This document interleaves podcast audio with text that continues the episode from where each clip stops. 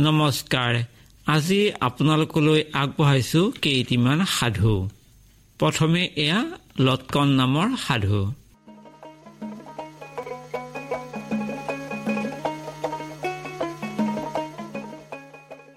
ৰসৰাজ লক্ষ্মীনাথ বেজবৰুৱাৰ লটকন। এখন দেশত লটকন নামেৰে এটা বৰ দুখীয়া বামুণ আছিল। বামুণৰ ঘৈণীয়েকজনীৰ বৰ মুখ চোকা আছিল। গিৰিয়েকে টকা কৰি ঘটি আনিব নোৱাৰে দেখি তাই সদায় গিৰিয়েকক দপালি থাকে।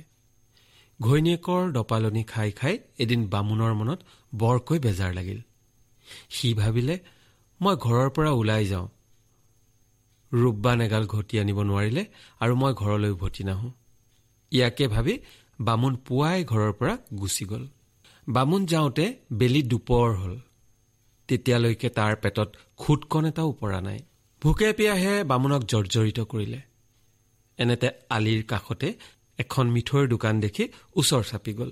দুপৰীয়া মিঠৈৰ দোকানৰ গৰাকীটোৱে খাই বৈ উঠি তাৰ আঠ বছৰীয়া পুতেকক দোকান ৰখীয়া পাতি সিটো কোঠালিত অলপ শুইছিল।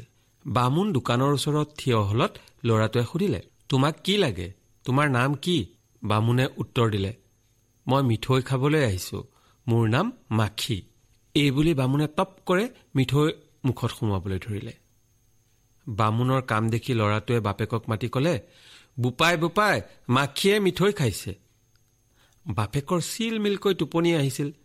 পুতেকে তাৰ টোপনি ব্যাঘাত কৰা দেখি সি আমনি পাই উত্তৰ দিলে মাখিয়ে মিঠৈ খাইছে খাওক তই মোক দিগদাৰী কৰি নাথাকিবি। এই কথা শুনি বামুণে লাহেকে কলে শুনিলি এতিয়া তোৰ বাপেৰে মোক মিঠৈ খাবলৈ কৈছে? এইবুলি বামুণে মিঠৈবোৰ খাই আধ্যা কৰিলে। ল'ৰাটোৱে দেখি সহিব নোৱাৰি আকৌ ৰিঙিয়াই বাপেকক কলে বোপাই মাখিয়ে মিঠৈবোৰ খাই আধ্যা কৰিলে। এইবাৰ বাপেকে ভেকাহি মাৰি দি কলে আধ্যা কৰিলে যদি কৰক তই কেপ কেপাই নাথাকিবি। ল'ৰাটোৱে এই কথা শুনি বাপেকক কথাটো ভালকৈ বুজাই কবলৈ ভিতৰলৈ উঠি গ'ল আৰু সেই সুৰুঙাতে বামুণে মিঠৈৰ দোকানীৰ হাতনি পেৰাটো তাতে পৰি থকা দেখি তাৰ পৰা দুকুৰি ৰূপ উলিয়াই লৈ পলাই গ'ল। ল'ৰাটোৱে বাপেকক জগাই মাখিয়ে মিঠৈ খোৱা কথাটো ভাঙি কলত বাপেকে বাহিৰলৈ ওলাই আহি দেখিলে যে তাৰ মিঠৈ আটাইবোৰ খালে। সি তেতিয়া ল'ৰাটোক বৰকৈ খং কৰিলত ল'ৰাটোৱে কলে মই দেখোন তোমাক গুৰিৰে পৰা কৈয়ে আছিলো মাখিয়ে মিঠৈ খাইছে বুলি। তুমিহে কলা খাওক। বাপেকে কলে তই কৈছিলি মাখিয়ে মিঠৈ খাইছে বুলি। মানুহে খাইছে বুলি নকলি কিয়? পুতেকে উত্তৰ দিলে সি মোক তাৰ নাম মাখি বুলি কৈছিল। বাপেকে কোনফালে মানুহটো পলাই গ'ল পুতেকক সুধি তাৰ ঘোঁৰাটোত লৰালৰিকৈ উঠি সেইফালেদি খেদি গ'ল।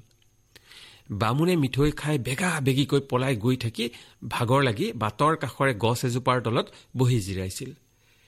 এনেতে হঠাৎ হাবিৰ পৰা এটা গাহৰি ওলাই আহি বামুণৰ ফালে চোচা ললে। বামুণে উঠি গছজোপাৰ চাৰিওফালে ঘূৰিবলৈ ধৰিলে আৰু গাহৰিটোও ঘূৰিবলৈ ধৰিলে। এইদৰে দুয়ো ঘূৰি থাকোঁতে এবাৰ বামুণে খপ কৰে গাহৰিটোৰ নেজত ধৰিলে। বামুণে গাহৰিৰ নেজত ধৰি ঘূৰি থাকোঁতে তাৰ খোচনাৰ পৰা সেই ৰূপবোৰ এটকা এটকাকৈ গছজোপাৰ চাৰিওফালে সিঁচৰিত হৈ পৰিল। বামুণে গাহৰিৰ নেজডাল এৰিব নোৱাৰা হ'ল কাৰণ এৰিলেই তাক গাহৰিয়ে সাং কৰিব। ইফালে মিঠৈৰ মালিকে ঘোঁৰাত উঠি গৈ সেইখিনি পাই দেখিলে যে এটা গাহৰিৰ নেজত ধৰি এটা মানুহে এজোপা গছৰ চাৰিওফালে ঘূৰিব লাগিছে।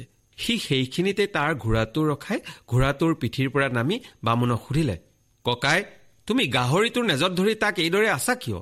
বামুণে উত্তৰ দিলে তোমাৰ কথাৰ উত্তৰ দিবৰ মোৰ আজৰি নাই। তুমি জানো দেখা নাই সেই টকাবোৰ? সি কলে দেখিছো। বামুণে কলে গাহৰিটো এইদৰে ঘূৰাই থাকিলে গাহৰিটোৱে পাকেপতি ৰূপৰ মুদ্ৰা দিয়ে। সেই দেখিহে ঘূৰাইছো। মিঠৈৰ দোকানীয়ে এই কথা শুনি ভাবিলে আজি মোৰ অনেক টকা লোকচান হৈছে। যদি এইদৰে এগাল টকা ঘটি ল'ব পাৰো তেন্তে ভালেই হয়। ইয়াকে ভাবি সি বামুণক কলে ককাই মোকো পাকচেৰে ঘূৰাবলৈ দিবানে? ময়ো বৰ বিপদত পৰিছো। মোকো যদি পাকচেৰে গাহৰিটো ঘূৰাই ৰূপ ঘটিবলৈ দিয়া বৰ উপকাৰ হ'ব। এটা চোৰে আজি মোক বৰকৈ ঠগি মোৰ বহুত টকা চুৰ কৰি নিলে। তাৰ কথা শুনি বামুণে কলে তুমি বিপদীয়া পথিক তোমাক উপকাৰ কৰিলে মোৰ পুণ্য হ'ব। বা আৰু ঘূৰোৱা তেন্তে। এই বুলি সি ঘূৰি থাকোঁতেই গাহৰিৰ নেজডাল মিঠৈৰ দোকানীক ধৰিবলৈ কৈ দোকানীয়ে ধৰিলত সাউট কৰি নিজে এৰি দি লৰালৰিকৈ ৰূপবোৰ গোটাই লৈ দোকানীৰ ঘোঁৰাটোৰ পিঠিত উঠি ঢাপলি মেলি গুচি গ'ল। আৰু দোকানীয়ে গাহৰিৰ নেজডাল এৰিব নোৱাৰি ঘূৰি থাকিবলৈ ধৰিলে। কাৰণ নেজডাল এৰি দিলেই গাহৰিয়ে তাক মাৰি পেলাব। বামুণ ঘোঁৰাত উঠি ভালেমান বাট গৈ থাকোঁতে গধূলি এঘৰত আলহী হৈ ৰলগৈ। ৰাতি সি তাতে খাই বৈ শুই থাকি ৰাতিপুৱাৰ আগতেই তাৰ ঘোঁৰাটো য'ত বান্ধি থৈছিল তাত ঘোঁৰাটোৰ মুখৰ আগৰ ঘাঁহবোৰৰ ভিতৰত ৰূপ দহ টকা সুমুৱাই থৈ গুচি আহি আকৌ শুই থাকিলহে। মিঠৈ খাইছিল যে সেইজন বামুণ। ৰাতি ভালকৈ পোৱালত গৃহস্থ শুই উঠিল। আলহী বামুণেও উঠি লৰালৰিকৈ গৃহস্থক দেখুৱাই ঘোঁৰাটোৰ মুখৰ আগৰ ঘাঁহবোৰ জোকাৰি ৰূপ দহ টকা উলিয়ালে। গৃহস্থই দেখি আচৰিত মানি কি কথা কি ব্যৱস্থা তাক সুধিলত সি কলে এই ঘোঁৰাটোৱে খাবলৈ বাকী থকা ঘাঁহবোৰৰ পৰাই মই সদায় দহ টকাকৈ পাওঁ আৰু ইয়াৰে মই চলি থাকো। বামুণৰ কথা শুনি গৃহস্থৰ লোভ লাগিল। সি ঘোঁৰাটো বামুণৰ পৰা কিনি ল'বলৈ বৰকৈ খাটনি ধৰিলে। দৰ দাম কৰি সি ছশ টকাৰ ৰূপত বামুণৰ পৰা ঘোঁৰাটো কিনি ল'বলৈ ওলাল। বামুণে প্ৰথমতে নিদিওঁ নথওঁকৈ শেষত কলে বাৰু আৰু আঢ়ৈ কৰি অৰ্থাৎ ছশ পঞ্চাছ টকা দিয়া আৰু মই ঘৰলৈ যাবলৈ তোমাৰ ঘোঁৰাটো দিয়া। তুমি নেৰা যেতিয়া মোৰ ঘোঁৰাটো লোৱা গৃহস্থই তাতে মান্তি হৈ ছশ পঞ্চাছ টকা আৰু নিজৰ ঘোঁৰাটোক বামুণক দি বামুণৰ পৰা ঘোঁৰাটো ল'লে আৰু বামুণে লৰালৰিকৈ টোপোলা বান্ধি টকা পইচা লৈ গৃহস্থই দিয়া সেই ন ঘোঁৰাত উঠি ঘৰলৈ আহিল। আগেয়ে যি বাটেদি বামুণ গৈছিল সেই বাটেদিয়ে উভতি আহোঁতে সি সেই গছৰ তলত মিঠৈৰ দোকানীয়ে তেতিয়ালৈকে সেই গাহৰিটোৰ নেজত ধৰি ঘূৰি থকা দেখিলে। বামুণক দেখি মিঠৈৰ দোকানীয়ে মাত লগালে মোক ভাল ঠগি গলা। ৰূপো নাই অথচ গাহৰিটো নেজত ধৰি ঘূৰি ঘূৰি লেবেজান হলো। বামুণে উত্তৰ দিলে ককাই মই ঠগোৱা নাই। তুমি মোৰ কথা শুনি যদি লেখি লেখি এশপাক গাহৰিটো ঘূৰোৱা তেন্তে দেখিবা নিশ্চয় এশ টকা ৰূপ পাবা। বামুণে দেখিছিল যে গাহৰিটো ঘূৰি ঘূৰি লাহে লাহে দুৰ্বল হৈ আহিছে আৰু এশপাক ঘূৰিলে সি পৰি মৰিব। সেই দেখি সি সেই কথা কৈছিল। বামুণে এইদৰে মিঠৈ দোকানী কৈ ঘোঁৰা চলাই গুচি গ'ল। দোকানীয়ে অলপ উশাহ পাই ঘূৰাই থাকোঁতে অলপ পৰৰ পিছত গাহৰিটো মৰি পৰি থাকিল। তাৰ পিছত দোকানীয়ে ৰক্ষা পৰিলো বুলি ভাবি ঘৰলৈ উভতি গুচি আহিল। বামুণে ঘৰ পাই বামুণীৰ হাতত টকাবোৰ পেলাই দি কলে নে এই ৰূপবোৰ নে? ৰূপবোৰ দেখি বামুণীৰ আনন্দ লাগিল।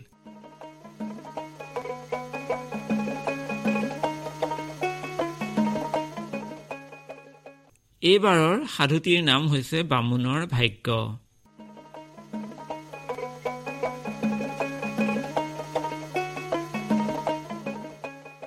সাধুটিৰ নাম হৈছে বামুণৰ ভাগ্য। এজন বামুণ আছিল। তেওঁৰ পৰিবাৰৰ ভিতৰত বামুণী আৰু গোটা চেৰেক ল'ৰা ছোৱালী বামুণৰ বৰ দুৰৱস্থা ধন সম্পত্তি বা ধান চাউল একোৱেই নাছিল। তেওঁ কাম কাজ কৰি যি অলপ পায় তাৰেই কোনোমতে ঘৰখন চলায়। কিন্তু তাৰেনো এই ঘৰুৱা মানুহ কেইদিন চলিব পাৰে? মাজে মাজে বামুণে সপৰিবাৰে লঘু নেভোকে থাকিব লগাত পৰে। এনেকুৱা ঘটনা যে কেতিয়াবা হয় এনে নহয়। মাহৰ ভিতৰত প্ৰায় পোন্ধৰ দিনমান তেওঁলোকে লঘু নেভোকে থাকে। বামুণ বামুণীৰ দুখ বেজাৰৰ সীমা নাই। এদিন বামুণীয়ে গিৰিয়েকক কলে এদিন বিধাতাৰ তালৈকে যোৱাচোন। বিধাতাক সোধাগৈ আমাৰ কপালতনো তেওঁ আৰু দুখহে লিখিব পায়নে এই কথা শুনি বামুণেও কলে এৰা ভালেই কৈছা। কাইলৈকে যাওঁ বিধাতাইনো আমাৰ কপালত কিয় ইমান দুখ লিখিছে তাকেই সুধি চাওঁগৈ। এইদৰে বামুণ বামুণীয়ে কথা বতৰা হৈ বামুণে বিধাতাৰ ওচৰলৈ যোৱাকে ঠিক কৰি দুখ কষ্টে সেই ৰাতিটো কটাই ৰাতিপুৱা গা পা ধুই জলপান এটা খাই আৰু পিঠাগুৰিৰ টোপোলা এটা কাষলতিৰ তলত লৈ বিধাতাক বিচাৰি যাবলৈ ধৰিলে। সেইদৰে গৈ থাকোঁতে বামুণে কিছুমান দূৰত এহাল মহে যুঁজ কৰি থকা দেখিলে আৰু সিহঁতক ওচৰ পোৱা মাত্ৰকে মহহালে যুঁজিবলৈ এৰি বামুণ কলৈ যাই সুধিলে। বামুণে তেতিয়া কলে বিধাতাৰ ওচৰলৈ যাওঁ। মৌহালে কলে তেনেহ'লে আমাৰো একেষাৰ কথা সুধিবচোন। আমাৰ আজি উপজীৱৰ কতদিন হ'ল সেই দিন ধৰি এই একেডোখৰ ঠাইতে আমি যুঁজিব লাগিছোঁ। তথাপি কোনোমতে আমাৰ যুঁজখন ভগা নাই। ইয়াৰনো কাৰণ কি বিধাতাক সুধিবাচোন? বামুণে ক'লে বা আৰু। এইবুলি আকৌ যাবলৈ ধৰিলে। এইদৰে গৈ থাকোঁতে বামুণে কিছু পৰৰ মূৰত এজোপা আম গছ পালেগৈ। বামুণক সেইপিনে যোৱা দেখি গছজোপাই মাত লগালে। দেও কোনফালে যায়? বামুণে উত্তৰ দিলে বিধাতাৰ ওচৰলৈ যাওঁ। সেই কথা শুনি গছজোপাই পুনৰ ক'লে অনুগ্ৰহ কৰি মোৰ হৈও দুষাৰমান কথা বিধাতাক সুধিবাচোন। মোৰ ইমান আম হয় তথাপি তাৰ এটা মোৰ মানুহে খাওক চাৰি এটা চৰাইও নেখায়। ইয়াৰনো কাৰণ কি? বামুণে ক'লে বাৰু সুধিম দিয়া। এইবুলি আকৌ যাবলৈ ধৰিলে। সেইদৰে গৈ গৈ বামুণে এখন নৈ পালেগৈ। কিন্তু তাত নাওদনি একো নাই মাত্ৰ এটা ঘৰিয়াল পানীত উপঙিব লাগিছে। বামুণক দেখি ঘৰিয়ালে ক'লে বাপুদেউ কলৈ বা যায়? এইবুলি সোধাত বামুণে ক'লে বিধাতাৰ ওচৰলৈ যাবলৈ আহিছিলো। এতিয়া এই নৈখন পাৰ হৈ যাওঁ কেনেকৈ? এই কথাত ঘৰিয়ালে ক'লে যদি মোৰ হৈ এটা কথা বিধাতাক আপুনি সোধে তেনেহ'লে মই আপোনাক পিঠিত কৈ পাৰ কৰিব পাৰোঁ। বামুণে ক'লে কি কথা কোৱা? ঘৰিয়ালে ক'লে উপজীৱৰে পৰা মই আৰু পানীৰ তললৈ যাব নোৱাৰোঁ। ইয়াৰনো কাৰণ কি সুধি আহিবাচোন? বামুণে বা আৰু বোলাত ঘৰিয়ালে বামুণক পিঠিত তুলি লৈ নৈ পাৰ কৰি দিলে। বামুণে নৈৰ পাৰতে টোপোলা মেলি পিঠাগুৰি এগাল উলিয়াই লৈ খাই আকৌ যাবলৈ ধৰিলে। সেইদৰে গৈ বামুণে বিধাতাৰ ওচৰ পালেগৈ। বিধাতাই বামুণক অহাৰ কাৰণ সোধাত বামুণে নিজৰ দুখ দুদৰ্শাৰ কথা ভাঙি পাতি কলে। তাৰ পিছত বামুণে আগৰ কথামতে কলে বাটত আহোঁতে এহাল মহৰ যুঁজ লাগি থকা দেখিলো। ইয়াৰনো কাৰণ কি? বিধতাই কলে সিহঁতৰ যুঁজ লগা ঠাইডোখৰত একলহ ৰূপ আছে। সেই ৰূপ কলহ তুমি খানি লৈ গলেই সিহঁতৰ যুঁজ ভাঙিব। বামুণে আকৌ সুধিলে এজোপা আম গছ দেখিলো। তাত আম ভৰি লাগে কিন্তু তাত এটা আম মানুহেও নেখায় চৰাই চিৰিকটিও নেখায়। ইয়াৰনো কাৰণ কি? বিধতাই কলে সেই গছজোপাৰ তলত এপেৰা গহনা আছে। সেই গহনাবোৰ তুমি উলিয়াই নিলেই সকলোৱে গছজোপাৰ আম খাবলৈ ধৰিব। তাৰ পিছত বামুণে সুধিলে আৰু এটা ঘৰিয়াল দেখিলো সি সদায় উপঙি থাকে। কোনোমতে পানীৰ তললৈ নেযায়। তাৰনো কাৰণ কি? এইবাৰ বিধতাই কলে সেই ঘৰিয়ালটোৰ পেটত এজনী সুন্দৰী ছোৱালী আছে। সেই ছোৱালীজনী তুমি উলিয়াই নিলেই সি তললৈ যাব। তাৰ পিছত বামুণে বিধতাৰ ওচৰৰ পৰা বিদায় লৈ ঘৰিয়ালৰ পেটৰ পৰা ছোৱালীজনী আম গছৰ গুৰিৰ পৰা গহনাবোৰ আৰু মহৰ যুঁজ লগা ঠাইৰ পৰা টকাৰ কলহটো উলিয়াই লৈ ঘৰলৈ আহি চহকী হৈ দিন কটাবলৈ ধৰিলে।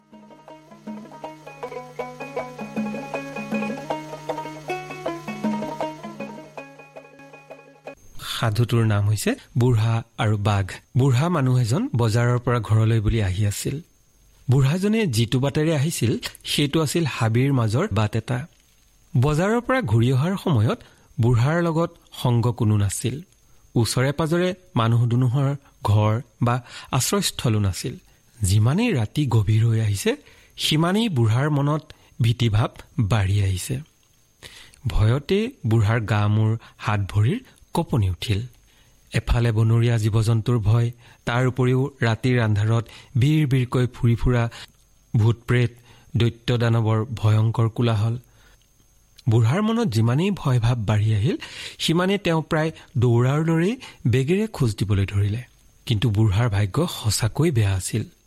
বুঢ়া গৈ গৈ প্ৰকাণ্ড বাঘ এটাৰ সন্মুখতে পৰিল। বাঘৰটো বৰ ফূৰ্তি কিয়নো বিনা কষ্টে তাৰ সন্মুখতেই তাৰ খাদ্য আহি হাজিৰ হৈছেহি। বাঘটোৱে বুঢ়াক খাবলৈ বুলি আগুৱাই গ'ল।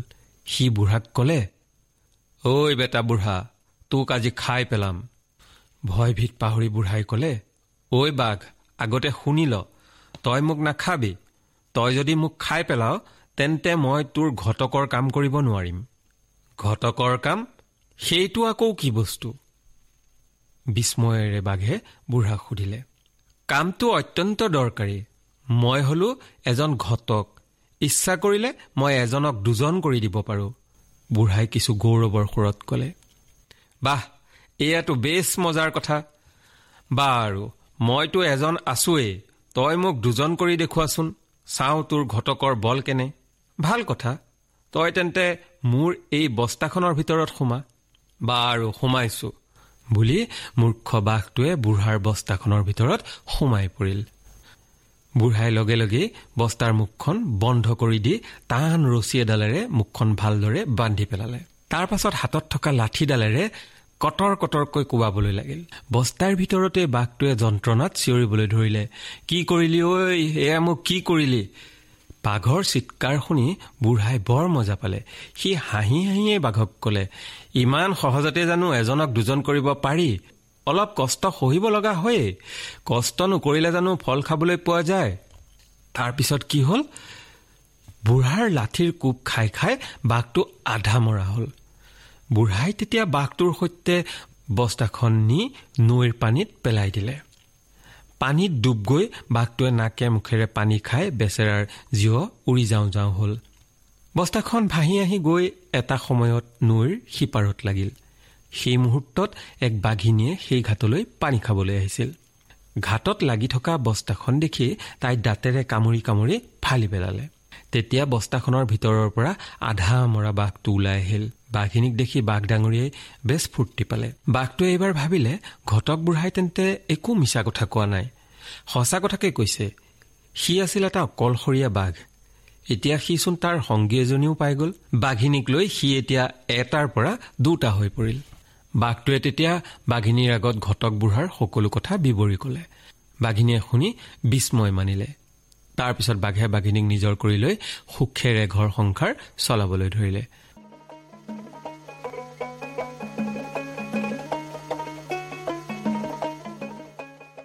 শেষত আগবঢ়াইছো বুঢ়া বুঢ়ী আৰু ভেকুলী। এই নামৰ এটি সাধু।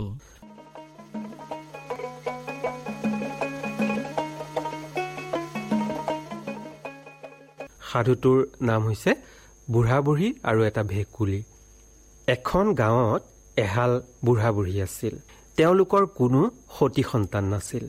এদিন দুয়ো ৰাতি ভাত খাই উঠি চোতালত বহি লৈ সুখ দুখৰ কথা পাতি আছিল। বুঢ়াই ক'লে বুজিছ আজিকালি মই আৰু আগৰ দৰে হাল কোৰ মাৰি খেতি কৰিব নোৱাৰা হৈছো। আমাৰ যদি ল'ৰা এটা থাকিলহেঁতেন কিমান যে ভাল হ'লহেঁতেন। বুঢ়ীয়ে হুমুনিয়াই পেলাই ক'লে এইবাৰ খেতি হ'বনে নহয় ক'ব পৰা নাই। এনেতে দুৱাৰৰ চুকৰ পৰা কোনোবাই মাত দিলে। আই পিতাই এইবাৰ খেতি মই কৰিম তহঁতে চিন্তা নকৰিবি। বুঢ়া বুঢ়ী দুয়ো চব খাই উঠিল। কোনে আই পিতাই বুলি মাতিছ? আমাৰ সন্মুখত দেখা দে এই বুলি কোৱাত এটা ভেকুলী দুৱাৰ চুকৰ পৰা জঁপিয়াই ওলাই আহিল। ভেকুলীটোৱে বুঢ়ীক দেখি ক'লে মই এটা অভিশাপত পৰিহে ভেকুলীৰ ৰূপ লৈ আছো। মই সদাগৰৰ পুতেক। তোমালোকে ভয় নাখাবা। মোৰ আই বোপাই কেতিয়াবাই মৰিল? তোমালোককে মই আই পিতাই বুলি মাতিম। ভেকুলীৰ কথাত বুঢ়া বুঢ়ীৰ মনত বৰ ৰং লাগিল।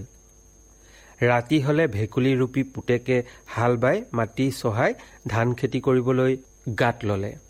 যথাসময়ত ধান চপাবৰ হ'ল। সেই দেশৰ ৰজাজন আছিল বৰ অত্যাচাৰী। নদন বদন ধাননি দৰা দেখি ৰজাই সৈন্য লগাই ধানখিনি ৰাজভঁৰাললৈ লৈ গ'ল। বুঢ়া বুঢ়ীয়ে বাধা দিয়াত তেওঁলোককো মাৰপিট কৰি আধা মৰাকৈ পথাৰত পেলাই থৈ গ'ল। সন্ধিয়া ভেকুলীয়ে আহি দেখে মাক দেউতাক পথাৰত কেকাই গেঠাই পৰি আছে।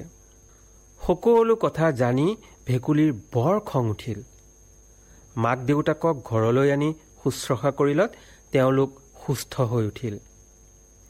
ভেকুলীয়ে ৰজাৰ অত্যাচাৰৰ পুতক তুলিবলৈ বুলি মন বান্ধি ল'লে আৰু মাকক অলপ পিঠা ভাজি দিবলৈ ক'লে। মাকে পিঠা ভাজি দিলত সি দুখন মোনাত পিঠাখিনি ভৰাই বাটে বাটে খাই গৈ থাকিল। এনেতে এটা সাপে ভোকত ঘূৰি ফুৰি ভজা পিঠাৰ গোন্ধত ৰ'ব নোৱাৰি তাৰ কাষ চাপি সুধিলে বেং ককাই কি খাইছা তুমি? মোকো এটা দিয়াচোন। মই ভোকত ৰ'ব নোৱাৰা হৈছো। ভেকুলীয়ে ক'লে পিঠা খাইছো তুমি আহা। এই মোনাখনত সোমাই যিমান মন যায় পিঠা খোৱা। সাপটোক মোনাখনৰ ভিতৰত ভৰাই লৈ গৈ থাকোঁতে এজাক বৰলে পিঠাৰ গোন্ধ পাই তাক আগুৰি ধৰিলে আৰু সুধিলে বৰ ধুনীয়া পিঠাৰ গোন্ধ ওলাইছে। আমাকো অলপ খাবলৈ দিবানে বেং ককাই ভেকুলীয়ে ক'লে কিয় নিদিম? আহা এই মোনাখনতেই পিঠা আছে। ইয়াত সোমাই যিমান মন যায় পিঠা খোৱা। বৰলখিনিক এইবাৰ আনখন মোনাত ভৰাই ভেকুলী গৈ গৈ ৰাজ দৰবাৰ পালে। ৰাজ দৰবাৰত সি ৰজাক সম্বোধি কবলৈ ধৰিলে হে ৰাজন আপুনি মোৰ পথাৰৰ ধানখিনি অন্যায় কৰি কাটি আনিছে। মোক তাৰ প্ৰাপ্যধন লাগে। ৰজাই অকণমানি ভেকুলী এটাই ইমান চিঞৰ বাখৰ কৰাত হাঁহিত ৰ'ব নোৱাৰা হ'ল আৰু তাচ্ছিল্য কৰি সুধিলে নিদিলে কি কৰিবি? ভেকুলীয়ে তেতিয়া বৰল আৰু সাপটো ৰাজদৰবাৰত মেলি দিলে।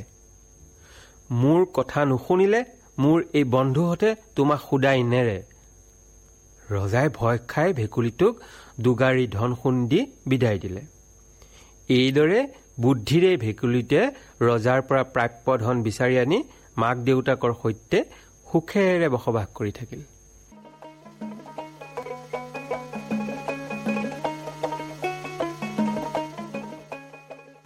আজি আপোনালোকলৈ কেইটিমান সাধু আগবঢ়ালো।